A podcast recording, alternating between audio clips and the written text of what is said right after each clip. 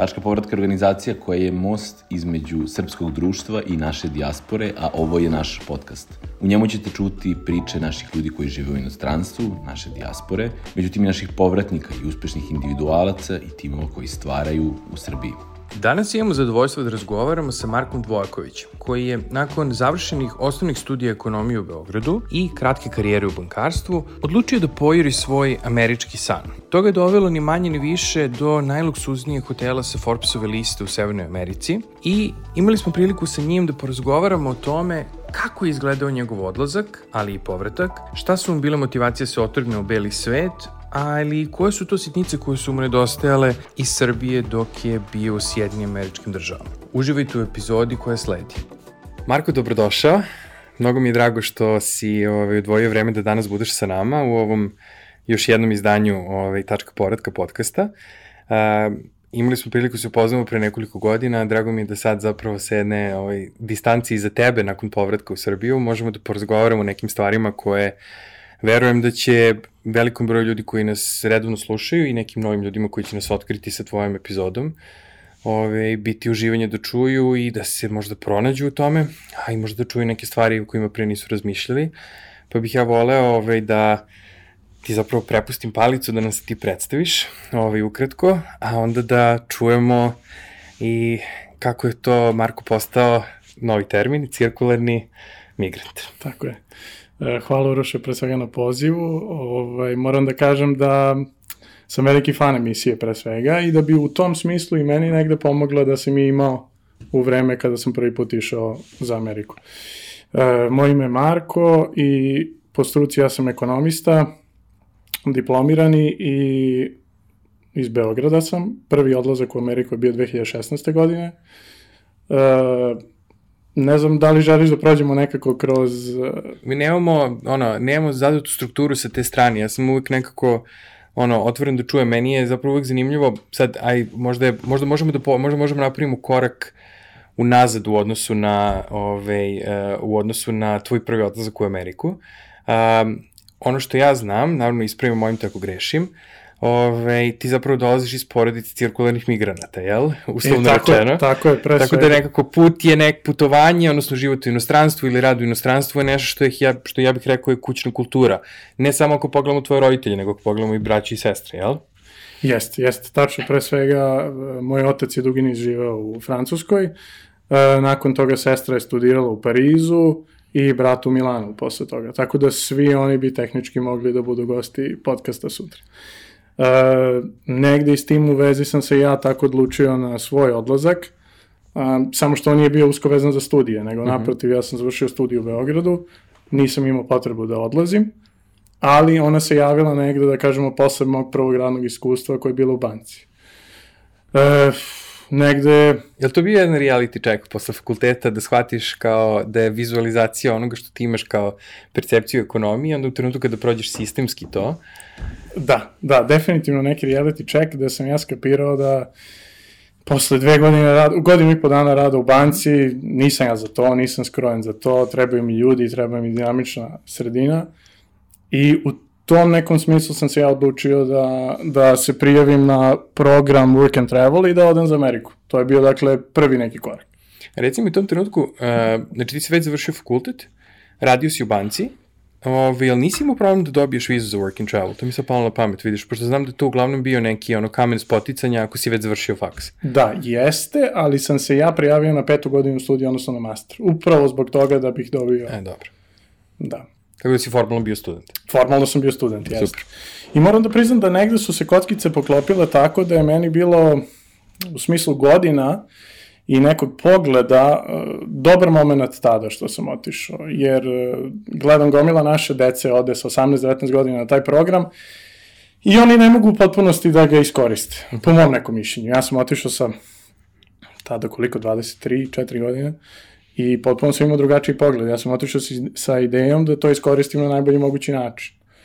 Uh, to je za mene bilo, ja sam otišao sa nekim ciljem tamo. Ne isključivo da zaradim novac i da se vratim ovde da bih ga trošio. Naprotiv, novac nikad nije bio opcija i preko jednog prijatelja ja zapravo dobijam uh, priliku da apliciram u jednom rezortu, uh -huh. koji se nalazi na severu Amerike, u Vermontu, i koji ima, nosi Forbesovih pet zvezdica, što je u nekom svetu kulinarstva i gostiteljstva, siguran sam da znaš, predstavlja sam vrh toga. I takođe su deo grupacije Relay Chateau. Tako da ja apliciram tu i oni me prihvataju, dolazim na jedan cirkularni, da kažemo, trening, prolazim kroz svaki department i prosto započinjem tu neku avanturu, da kažem. Reci mi sad, a, odluka da iz ovaj, jednog Beograda, iz jednog ono, ušuškanog, naviknutog života promeniš ovaj, koncepciju, ne u smislu putovanja, pošto si putovao ove, kao mlad dosta, ali putovanje u smislu kao to je sad neki prvi ono odlazak u svet gde ti kao nekako sam si ono, sam si svoj na svome, jel? Jel imaš moment, jel imaš sada neki moment da sedeš u avion, jel imaš neki ono strah, razmišljanje ili je ono više uzbuđenje to sve? Jel imaš uopšte neka preispitivanja u trenutku kada odlaziš? To me zapravo baš interesuje. Pa, ono, da. koji je mindset kada ono, kad si spakovao si, sad si ušao u avion i kao sad nema više povratka, kao to je to, Šta da, ti prolazi glavu? Mislim, imao sam prilike da putujem stvarno i, i uzduži popreko po Evropi, ali ta Amerika je nekako ostala, da kažemo, nedosenjani san. Pogotovo što sam nekako odrastao na toj Amerikani i celoj njihovoj kulturi, ja sam pošto po to želeo da odem tamo. Uh, uzbuđenje, više nego strah. Uzbuđenje, uh, kroz sport sam isto putovao dosta, navikao sam na to, ali bilo je pre svega uzbuđenje s tim što je to u tom trenutku za mene emotivno jako specifično jer mi se najbolji prijatelj e, borio sa rakom i nažalost se nije izborio i ja mhm. odlazim u Ameriku koja mi sa te strane i dolazi kao neki beg od, beg od realnosti i beg od svega. E, tako da kažemo, ta prva godina je dosta bila emotivna. Hmm. Dosta emotivna e, i nekako je sve dobilo drugi smisao, da kažem. Ne znam, ne znam da li me razumeš. Apsolutno, ali... da ja razmišljam sad zapravo nečemu što smo imali prilike sa nekolicinom uh, ljudi koji smo imali priliku što da porazgovaramo van podcasta, što na samom podcastu, je da ta odluka o odlasku uh, kada je posmatraš uh, sa jednom, sa distancom vremenskom i životnom, uh, nekako uvek shvatiš da je bilo mnogo više faktora koje, o kojima možda nisi razmišljao, znaš. I onda je taj nekako, to što si napomenuo, um, da si zapravo hteo da se ono odvojiš i od jednog ono negativnog iskustva ovaj, životnog i da u tom smislu napraviš neku distancu, to ti sigurno nije bila ključna motivacija za work and travel, ali je verovatno deo te kompleksne odluke koju kad gledaš ono iz različitih ćoškova u različito vreme, ja bih rekao da se tu uvek otkrije neki novi aspekt. Tako da mi je s te strane bilo jako zanimljivo kad si to rekao, onako mi je ostalo u... Jest, jest, apsolutno. Mislim, zato kažem emotivno i pre svega neko uzbuđenje, ali opet išao sam sa tim i to je neka stvar o kojoj ja neretko ovaj, zapravo ne tako često volim da razgovaram mm -hmm. i onako staromodno to to tovarim u sebe, uh, ali bilo je tu negde, tako da prva godina je u suštini jako emotivna, ali rad, rad i disciplina i nekako razmišljajući o svemu tome, to je moralo da dobije viši smisao. I onda ja potpuno pristupam tome iz drugog ugla, dolazim tamo u jednu radnu sredinu gde dani od 14-15 sati nisu ništa neobičajno i na neki način se dokazujem, očigledno radim nešto dobro i izazivam u njima želju da naprave poziciju za mene, tako da su mene oni sponzorisali, pravili su case advokatima, kako to već funkcioniše, da se objasni zašto baš ja, ne američki državljanin. I oni sponzorišu onda nakon mog povratka u Srbiju, sledeće godine oni sponzorišu moj povratak nazad u Vermont. Ja mislim da to možda, to je sad ono bitno za, da se naprije jedna mala distinkcija tu, Znamo veliki broj ljudi koji ode na work and travel upravo zbog toga. Ode par meseci, odredi sezonski posao, vrati se bez neke ideje za karijernim dokazivanjima. Ti si uh, zapravo iskoristio jednu potpuno drugu formu sezonskog posla da napraviš sebi priliku, karijernu priliku, to se i desilo, ali je velika stvar zapravo da te jedan takav lanac sponzoriše za vizu, zato što se to u načelu radi baš za ljude bez kojih ne možeš nikako drugačije. Tako da nije mala stvar, jer to je nekako, mislim, znam da se nećeš sam hvaliti, ali nije mala stvar da zapravo dobiješ takvu neku priliku. Odnosno, znam da je za to uh, ako je radni dan bio 13 sati, verovatno si 14 plus ili 15 plus mora da uložiš da bi se to na taj način ovaj, e, vratilo. Apsolutno, apsolutno. I, i ono što je zanimljivo je što naši ljudi kada ih vidiš preko, nekako bude ti žao zato što oni i tekako mogu da, da funkcionišu u sistemu i tekako mogu da se ponašaju po pravilima i tekako mogu da se izdvoje od svih ostalih. A zašto onda to nije slučaj ovde? Mislim, ja sam se to konstantno pitao, ali ja sam se na taj način upravo izdvojio. E, bio je managing partner koji je vodio sve to. Uh mhm. -huh. Moj životni mentor pre svega i kroz, kroz delikatne situacije u životu mi je pomogao, ne samo poslovno, pričamo i lično, uh, nekako ostvariš odnos sa njim i sa generalnim menadžerom Michaelom, uh, da oni mene sad posle podcasta pozovu da sednem u avion, da, da im pomognem dva dana rada i ja bih to uradio. I to je ono što je lepo u tom odnosu i u stvaranju istog odnosa. Reci mi, ok, koja je bila pozicija na kojoj si radio ili možda da ono, sad da neko približimo taj, ja mislim da zapravo tu sad postoji raznih nekih zanimljivih stvari i verujem da kao resort tog profila nosi sa sobom ovaj, zapravo ono jedan ono niz tajni, zanimljivosti i tako dalje i znam da zbog profesionalnosti gomilu priča ne smeš da ispričaš, ali sam siguran da postoje bar neke situacije koje možeš malo da nam preneseš, ili ja mislim da zapravo iako imamo možda naše ljude koji rade na takvim mestima, takvih mesta nema mnogo na ovom svetu. Pa u tom smislu sigurno postoje neke stvari koje, koje su specifične, čak vratno u cijeloj Severnoj Americi za, ovaj, za mesto kao što je to. Apsolutno, apsolutno. E, ja volim i ponosno da kažem da sam bio deo tima koji je ostvario najveći broj bodova na toj Forbesovoj čuvenoj inspekciji. E, prolazi se 500 i nešto tačaka treninga, mislim, to je neverovatno, zaista. I oni su prošle godine pokupili nagradu za najbolji hotel na svetu od strane Forbes, što je neverovatno. Dalje od toga ne postoji, dalje nivo nema. Um, moja pozicija je bila hotel menadžera, dakle, bukvalno su iskrojili za mene I ja sam sa svojih 25 godina se vratio i dobio tu poziciju. To i dan danas smatram svojim najvećim uspehom u karijeri do sada. E, bila mi izuzetna čast da budem deo tima, znači bukvalno se govori o 4-5 ljudi koji su takozvani steering committee, koji vode organizaciju i ja sam sa tako malo godina bio tu. E,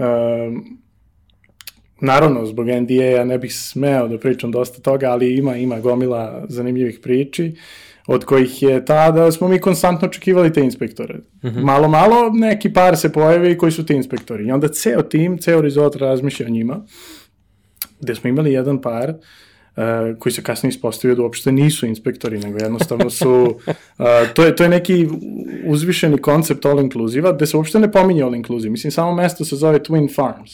Znači, reči o dve farme. Na prvi prizvuk ne zvuči uopšte ekstravagantno, ali verujem i da jeste. Uh, I tako su oni sve zahtevali jednu stvar za drugom, za trećom, da bi to kulminiralo u tome da su tražili mašinu za šećernu vunu da im se donese u sobu. I sad mi sedimo, znaš, onako uroše i razmišljamo, gledamo svi u Michaela, koji generalni menadžer treba da donese tu odluku. I ja ga pogledam, rekao, Michael, nećemo valjda stvarno ovo da radim. On je pogledao, nasmeo se, dao mi ključeve od kola, rekao, idi u Boston, pokupi mašinu za, za šećernu vunu. I mi smo im to isporučili u sobu. Free of charge, free of sve.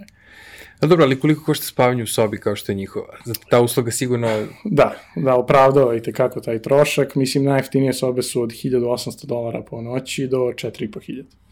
Tako da... Da, pretpostavljam ako se ide u neki apartman ili već neki ono luksuzni da pričamo o noćinjima koje su desetine hiljada dolara. Da, doslovno je tako i postoji deset kuća koje su po šumi, to je 300 hektara šume, onako jedan raj i to je zanimljivo, dosta njujorčana i, i ljudi iz Bostona upravo traži beg tamo, povezuju se nazad sa prirodom na taj način. Mm. Meni je recimo fascinantno, sad, jako se ne varam, vi ste imali i šefa koji ima Mišelinu zvezdicu, odnosno koji ima to Mišelin iskustvo kao neko ko priprema hranu na ono, najvišem svetskom nivou, kao šefa koji radi u kuhinji hotela. Koji je, koje je bilo sad tvoje iskustvo kao neko ko ono, isto foodi i voli hranu, ovaj, kao ja, kakav ti, ka, za početak, kakvo je iskustvo da sve te stvari možeš, crtica moraš, da probaš pre nego što ovaj, uđu u ovaj, standardnu ponudu i da li ti je bilo teško? Nema tu standardne ponude, znači svaki dan se rotira jelovnik, svaki dan šef radi menu meeting i svaki dan probamo nešto novo. I sve to mora biti lokalno, od farmi koje su pored puta i prosto daju veliki značaj tome, veliki prizvuk se daje tome. Uh, sve mora da bude u radijusu od nekoliko kilometara, organsko, free range. Mislim, mi nismo svesni bogatstva koje imamo ovde. To je mm -hmm. verovatno zasebna tema i ja, hrana mi bila uh, kasnije jako onako jedan težak faktor života u Americi, ali ovamo, da, nevjerovatna privilegija. Mislim, probao sam stvari za koje nisam znao da postoje, a kamoli uh, nešto više. I kuvar kao, kao takva pozicija je potpuno redefinisana u Americi. I to je se desilo unazad deseta godina ima tome. Uh, mi kaskamo za tim, kuvar je prosto deo top level managementa. Znači, on je jedan od četvora ljudi koji upravljaju organizacijom. On organizuje ceo dining room, celu kuhinju, poručuje sve što mu je potrebno, on vodi sve to. Dakle, on je integralni deo te organizacije i za njih se smatra bez ikakvog problema će ostaviti kapu sa tri Michelinove zvezdice da bi prešli u Relation to Forbesovih pet zvezdica. Imaju neograničen budžet, odlične uslove i upravljaju velikim timom.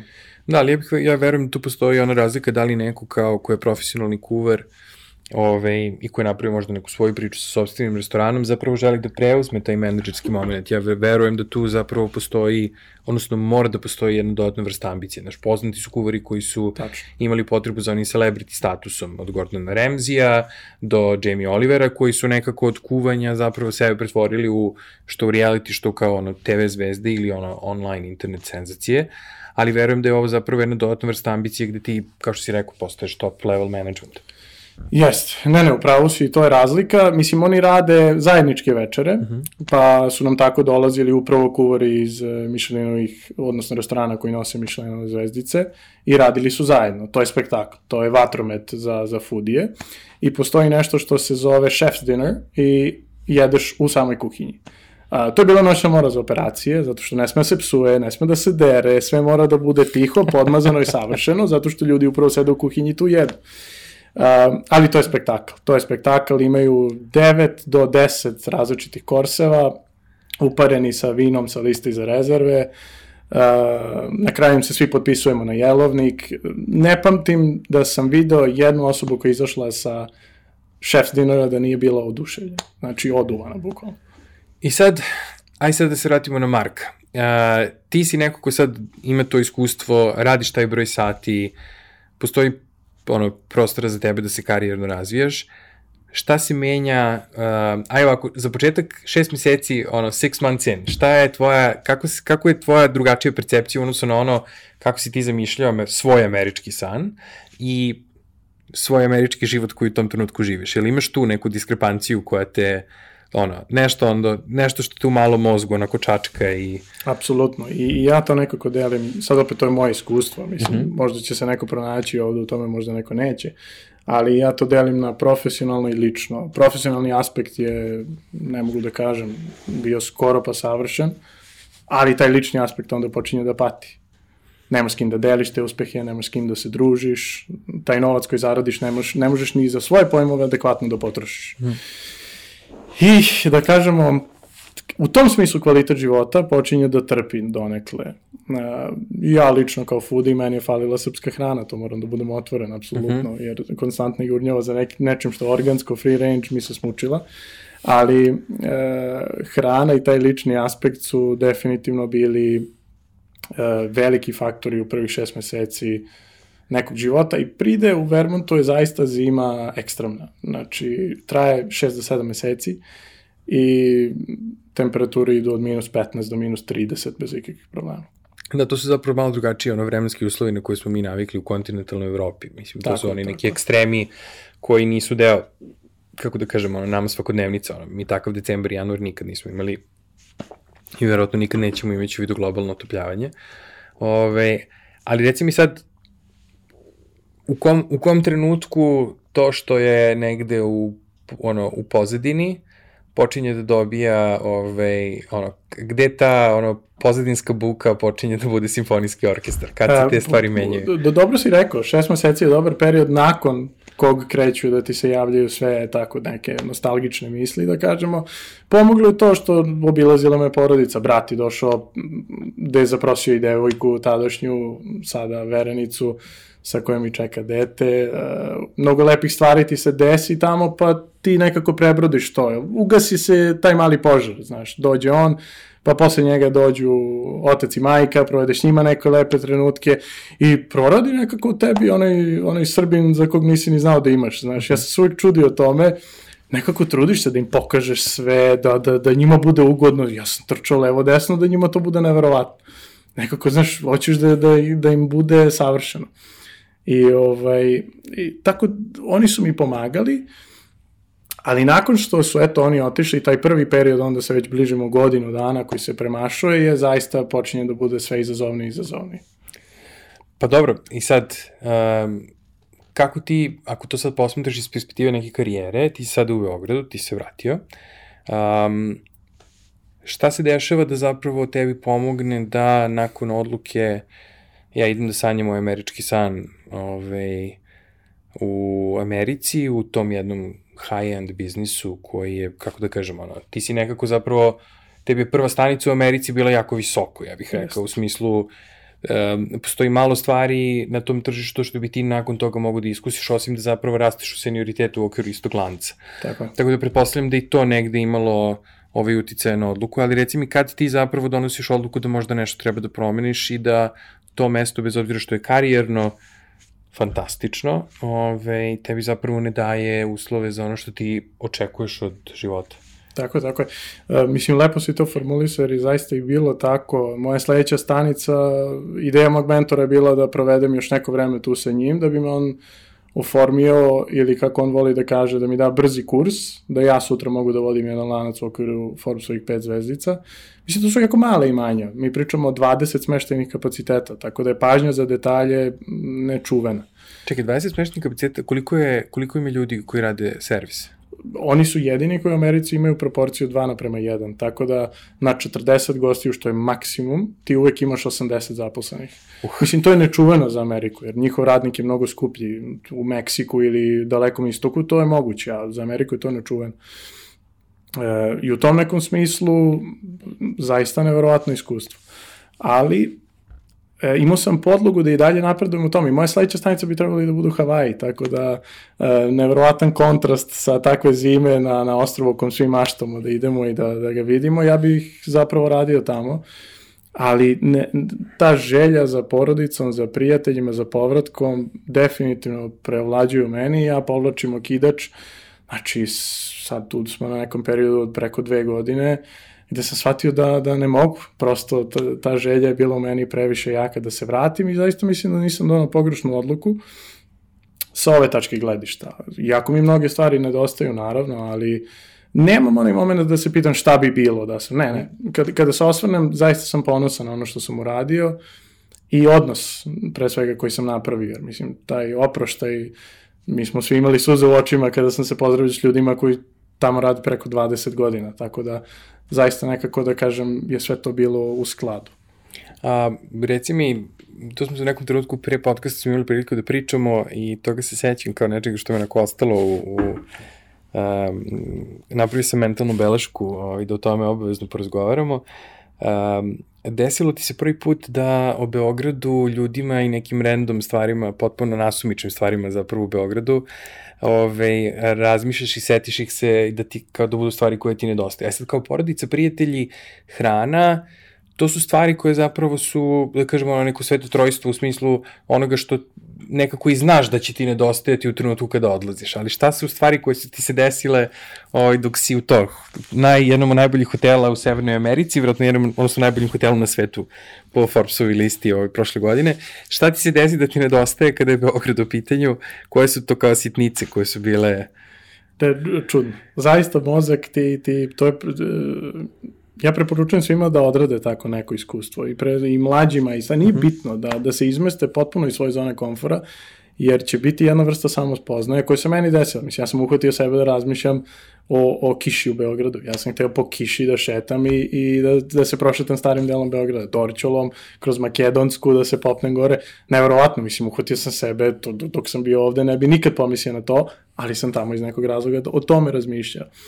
I ovaj, neverovatno je kako su nam mozgovi povezani na drugačiji način. Mislim da ti pomogne, vratno svako putovanje tog tipa, čak i kad odeš na kraće, pomogne ti da presložiš nekako prioritete, a onda možeš i životne prioritete da presložiš kada odeš na tako putovanje i to što si rekao, na što samo spoznaje, to je nešto o čemu mi generalno jako malo razgovaramo, nažalost. Yes. To je moment u kome ti shvatiš da kada si otišao, ti tek tad otkriješ neke aspekte svoje ličnosti koje uopšte nisi shvatao da su fundamentalno bitne za tvoju sreću. Znaš, i onda tu negde ja mislim da to, šta su činioci tvoje sreće je ovde nekako kada odeš, staviš tu pod lupu i ovaj, neku veličaš to na jedan potpuno drugi način, to je bar bilo moje iskustvo.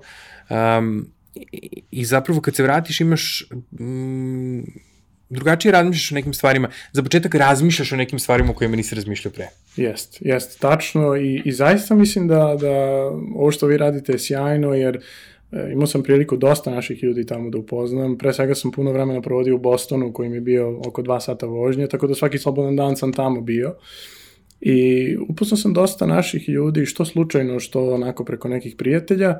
Moram da priznam da, mislim da je to neko i pomenuo na, na podcastu pre, gotovo svako ima neki plan i ideju da se vrati. Znači, ja nisam upoznao ni jednu osobu koja mi je rekla nemam nameru da se vratim.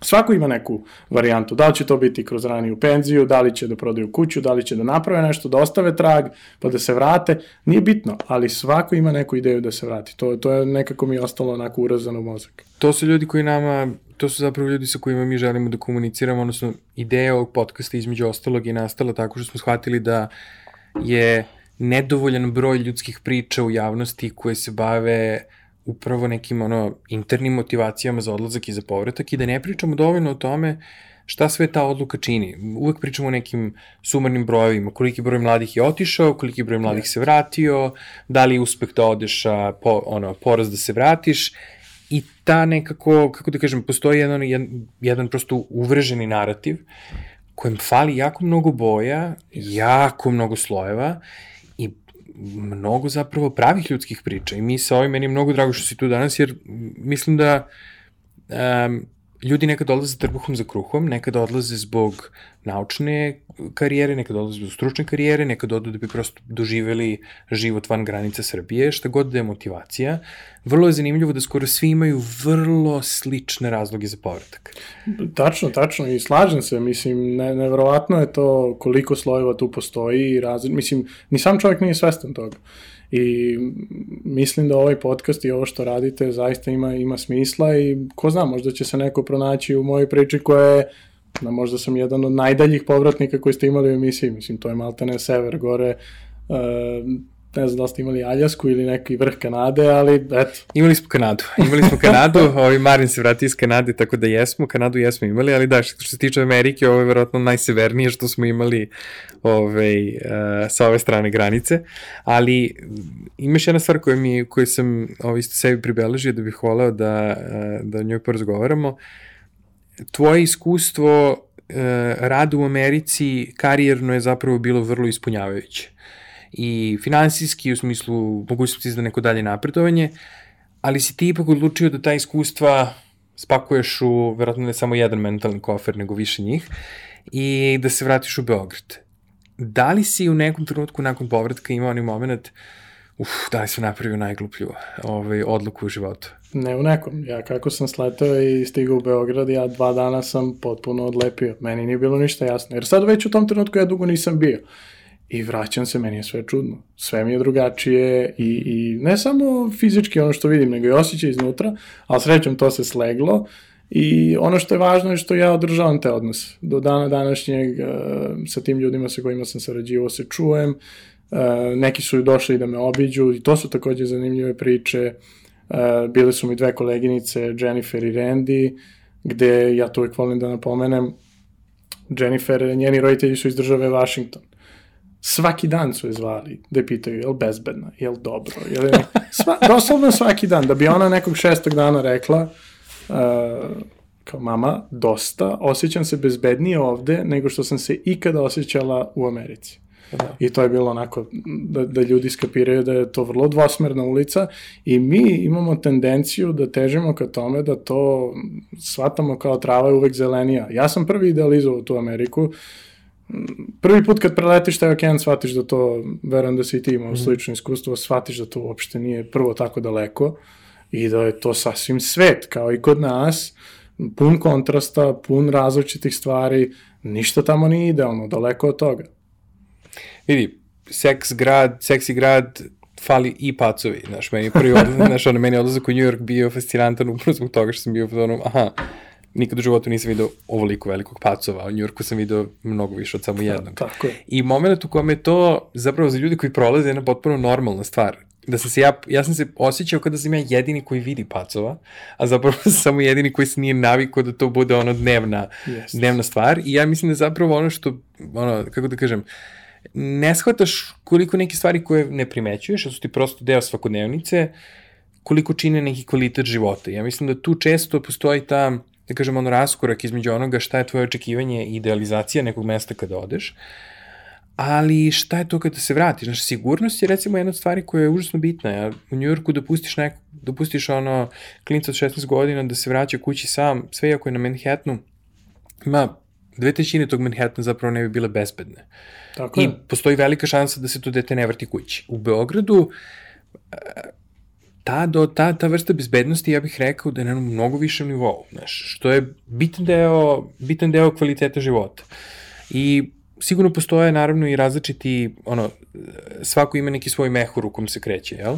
Beograd je tu isto, verovatno nije različit, ali ajde sad da se vratimo sad na ovu moment, vratio si se i sad si u Beogradu i kao dva puta sam udahnuo i kao šta radim ja sad dalje? E, dva puta sam udahnuo, tako je, i krenuo da, da se malo vraćam, jel tako, u beogradski način života. E, ali to nije dugo trajalo. Ja sam se brzo zaposlio kao operativni direktor e, jednog hotela na Vračaru, e, koji takođe nosi pet zvezdica, da ja možda nisam ni bio svestan svog prethodnog radnog iskustva. E, maltene su me oni iščepali čim sam se pojavio na tržištu rada. E, gde je bilo onako jedno pomešano, da kažemo, radno iskustvo. E, tu dolazi onaj malo sudar realnosti uh -huh. tog profesionalizma koji si imao tamo, naspram profesionalizma ovde, um, gde je, kažem, pomešano, pomešano jedno iskustvo. Ja sam zaista pokušao mnoge stvari da implementiram, ali mi smo nekoliko godina unazad u odnosu na, na hotelirski svet zapada. To je, to je naša realnost jednostavno. Drugačiji su vratno i budžeti. Tako je. Ove, a i verovatno ni veliki broj hotela u Americi zapravo ne možete isprati taj standard koji je tebi bio deo svakodnevnice, ali sigurno ima i toga da je mentalitet drugačiji. Koliko je tebi sad, koliko si više primićivao od neke stvari koje su, ajde da kažemo, ono deo našeg nacionalnog DNK, što u pozitivnom, što u negativnom smislu, da. u odnosu na period pre odlasku u Ameriku? E, pa dosta, dosta i mogu da ti kažem da, na primjer, jedna od stvari koja mi najviše nedostaje jeste dijalog. Uh, dijalog je u Americi normalna stvar i ja bih voleo da, da to kod nas zaživi vremenom. Ja, ja verujem da će naše generacije i mlađi to doneti, ali prosto dijalog je tamo sastavni deo rada. Da li između najnižeg nivoa radnika do najvišeg, do top level managementa, dijalog je ključan. E, nije bitno da li si ti housekeeper ili server, ti ćeš pričati sa vlasnikom, sa menadžerom, nije bitno, imaćete dijalog, dok je to u Srbiji više monolog i to je ono što sa čim ja sam imao najveći problem. Nekako tvoje ideje se odbijaju jedan zid, koji sa druge strane je monolog i ništa više. Ali ja verujem da će se to promeniti, to mora da se promeni zapravo. Ja mislim da ima timova koji već radi kod nas, uh, posebno povratnika, to je ono što je nama isto bilo iskustvo u razgovoru sa ljudima, koji su vratili i ovde su krenuli neku svoju priču i došli su upravo sa tom, sa tom idejom. Moja kancelarija je uvijek otvorena, uđi kad god želiš, treba da razgovaramo o svemu što ti misliš da je bitno za ovu kompaniju, da si ti sastavni deo ovog mehanizma. I ako ti nisi dobro, ostali ne mogu da budu dobro. I to je jedan mentalitet koji, ja bih rekao, sve više otvara vrata i otvara prostora upravo to za dijalog, ali za razgovor i za možda čak on razgovor između više strana u isto vreme. Um, sad kad si ovo pomenuo, setim se te jedne priče koje si mi ispričao da um, si imao situaciju u kojoj čovek koji je zapravo ono, ključni čovek u hotelu dolazi u kuhinju i shvata da sudovi treba da se operu, stavlja kecelju i Tako je. I bez problema to radi. Mislim, zaista nevjerovatno. On je, on je managing partner, dakle, on ne treba da učestvuje u operacijama, on sam odlazi uh, kroz courtyard u kuhinju da napravi sebi kafu i u tom trenutku on zapazi da nema dovoljno, da dishwasher se nije pojavio tog dana, on stavlja kecelju i kreće sam da pere sudove se ja posmatrao zaposlene, oni, njihova produktivnost skače 30% momentalno. Mm -hmm.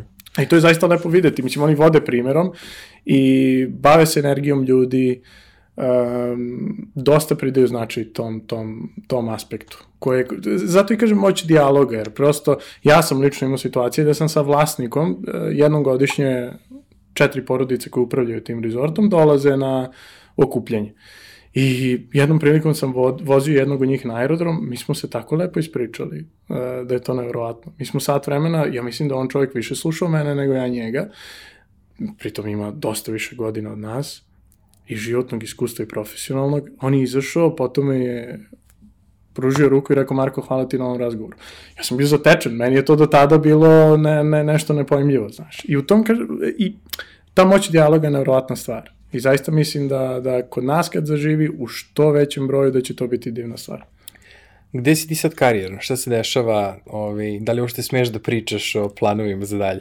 E, smejem, smejem da pričam. Dakle, posle, posle te pozicije ja sam uh, dobrih dve i nešto godine radio u uh, lancu koji se zove Karizma. To su hot, luksuzni hoteli na Karibima.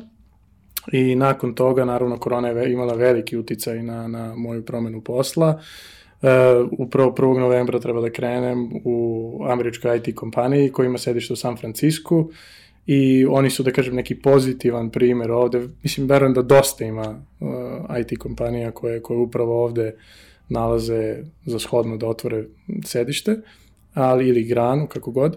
Ali oni su zaista dobar primer, imao sam priliku da upoznam ceo tim i bilo onako osvežavajuće uh, osvežavajuće da vidim ceo tim ljudi, naših, naših ljudi pre svega, nasmejanih, srećnih i zadovoljnih sa svojim poslodavcem. Tako da mi je to ulilo neki entuzijazam pred sam početak. Um, zaista onako, imao sam priliku da razgovaram maltene sa svakim pojedinačno i svi su bili onako da kažem, vedri, srećni što su tu, srećni što u Srbiji imaju takvu priliku, tako da zarazan je optimizam je zarazna stvar. Da, jeste, mi to mislim ne, ne radimo, ne praktikujemo dovoljno ono zdravo smenje ove, i, i u timovima i u poslu, ali možda čak i nevoljno u privatnim odnosima. Um, neki će reći verovatno zato što nemamo dovoljno razloga da se veselimo, a ja bih uvek rekao samo zašto ih ne stvaramo. Tako. Jer ja mislim da postoji jako mnogo, uh, mi ne znamo da preuzimamo odgovornost, takvi smo kao nacija i mislim da tu, kako da kažem, kaskamo za nekim, ovaj, kaskamo za nekim ono, modernim trendovima gde kao, ajde ti, ajde ti pokušaj svoje malo i pokušaj da ulepšaš ovu neku stvarnost i da napraviš nešto dobro i da pomogneš nekim ljudima oko sebe. Taj efekat ovaj, ono, produženih talasa, razumeš, taj eho koji se stvara, to su najdublje pećine. Znaš, taj eho putuje, putuje, putuje, putuje i samo moraš da shvatiš da u nekom trenutku moraš ti da budeš ta prva inicijalna kapisla za neke stvari. Um, reci mi,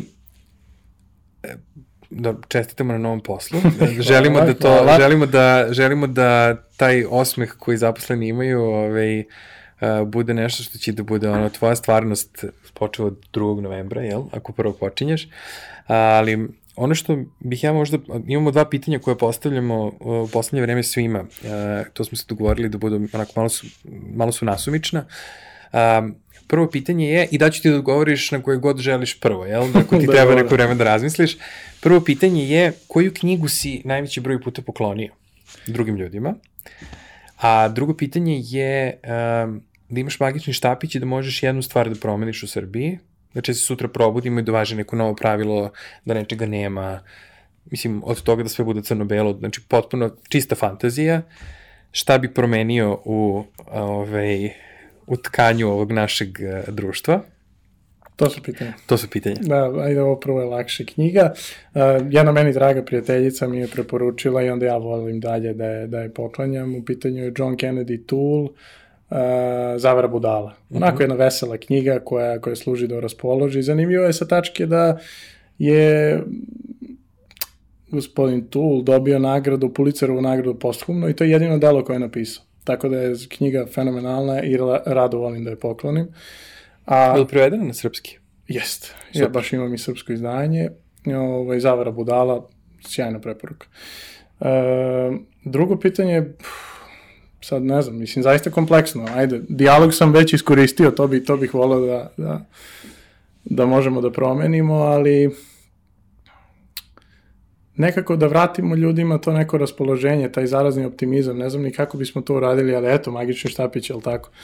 Uh, definitivno moć dijaloga. Zaista, to sam tamo ostavila na mene najveći utisak i ta otvorena vrata od moje kancelarije, po znacima navoda, ja sam koristio. Opet i tamo sam bio jedini koji to radio. I daleko sam došao zbog toga, upravo zbog toga i volao bih magičnim štapićem da svi ljudi tako razmišljaju, jer mislim da bismo se povezali mnogo bolje i da bismo napravili zaista neverovatne stvari. Ja ću... ne, ne. Moram da dodam, Uroše, uh mhm. -huh. um, ono što je poslednjih godinu, dve dana jako aktualno kod nas, možda svest o ekologiji. Zaista, zaista me to boli, jer kada sam video tamo šta se, e, način na koji vode računa o tome, naša prirodna bogatstva su podjednako, ako ne i veće od njihovih, a zaista bi trebali da imamo mnogo veću svest o tome. Da, to je ja nejako, je nejako bitna stvar. Ja sam teo da se nadovežem na, ovo, na ovaj deo koji je vezan za dijalog. Um, zanimljivo je, format u kome ti i ja upravo egzistiramo je baš to. Uh, dijalog koji treba da bude otvoren, da ti budeš spreman da saslušaš osobu preko puta sebi i da zaista ono empatski pokušaš da se staviš u njenu, ovaj, njenu kožu i da razumeš kao taj neki misalni proces i šta se sve ovaj, dešavalo uh, na tom putu cirkularne migracije. Ja pretpostavljam da ti nemaš um, kako da kažemo, na zadatu ideju da moraš da ostaneš u Srbiji, već da uvek postoji neka opcija da ćeš možda nekad otputovati u inostranstvo. Apsolutno. E, mislim da se nadovežem na tvoje sa početka i ja mislim da zato su ljudima i zanimljivi podcasti, zato živimo u eri podcasta, jer nisu obični intervju, jel tako? Nego mm -hmm. ljudi gledaju dijalog, Znači, razmena mišljenja, ko što ja slušam tebe i ti slušaš mene i to je ono što ljudima i čak i primamljivo.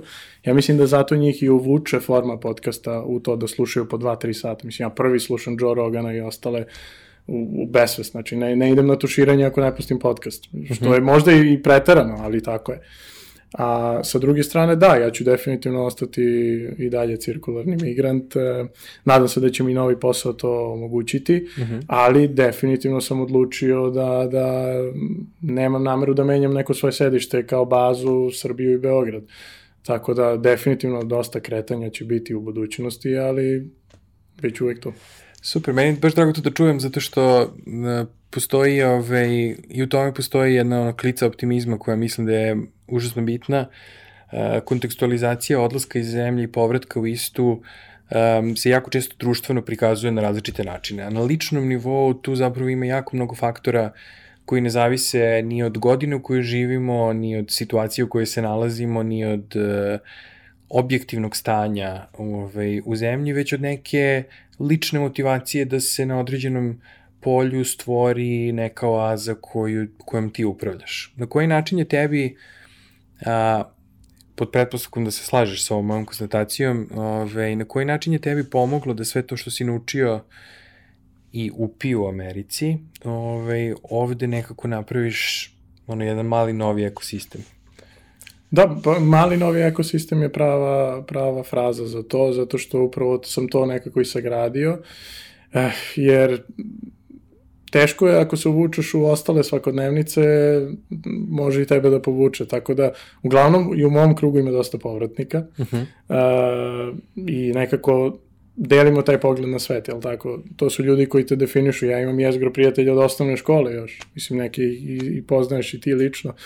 Uh, tako da Što je baš velika stvar, ja bih rekao da to nije standard u Beogradu posebno. Da, za mene, mislim, eto, na primjer, Amerikanci potpuno drugačije žive, jel tako? On kad završi srednju školu, upisat će dobar fakultet, mislim, ljudi ne, ne, ne shvataju, ti možeš da se voziš 14 sati, a da si dalje u Teksasu. Znači, on je gotovo veći od cele Evrope.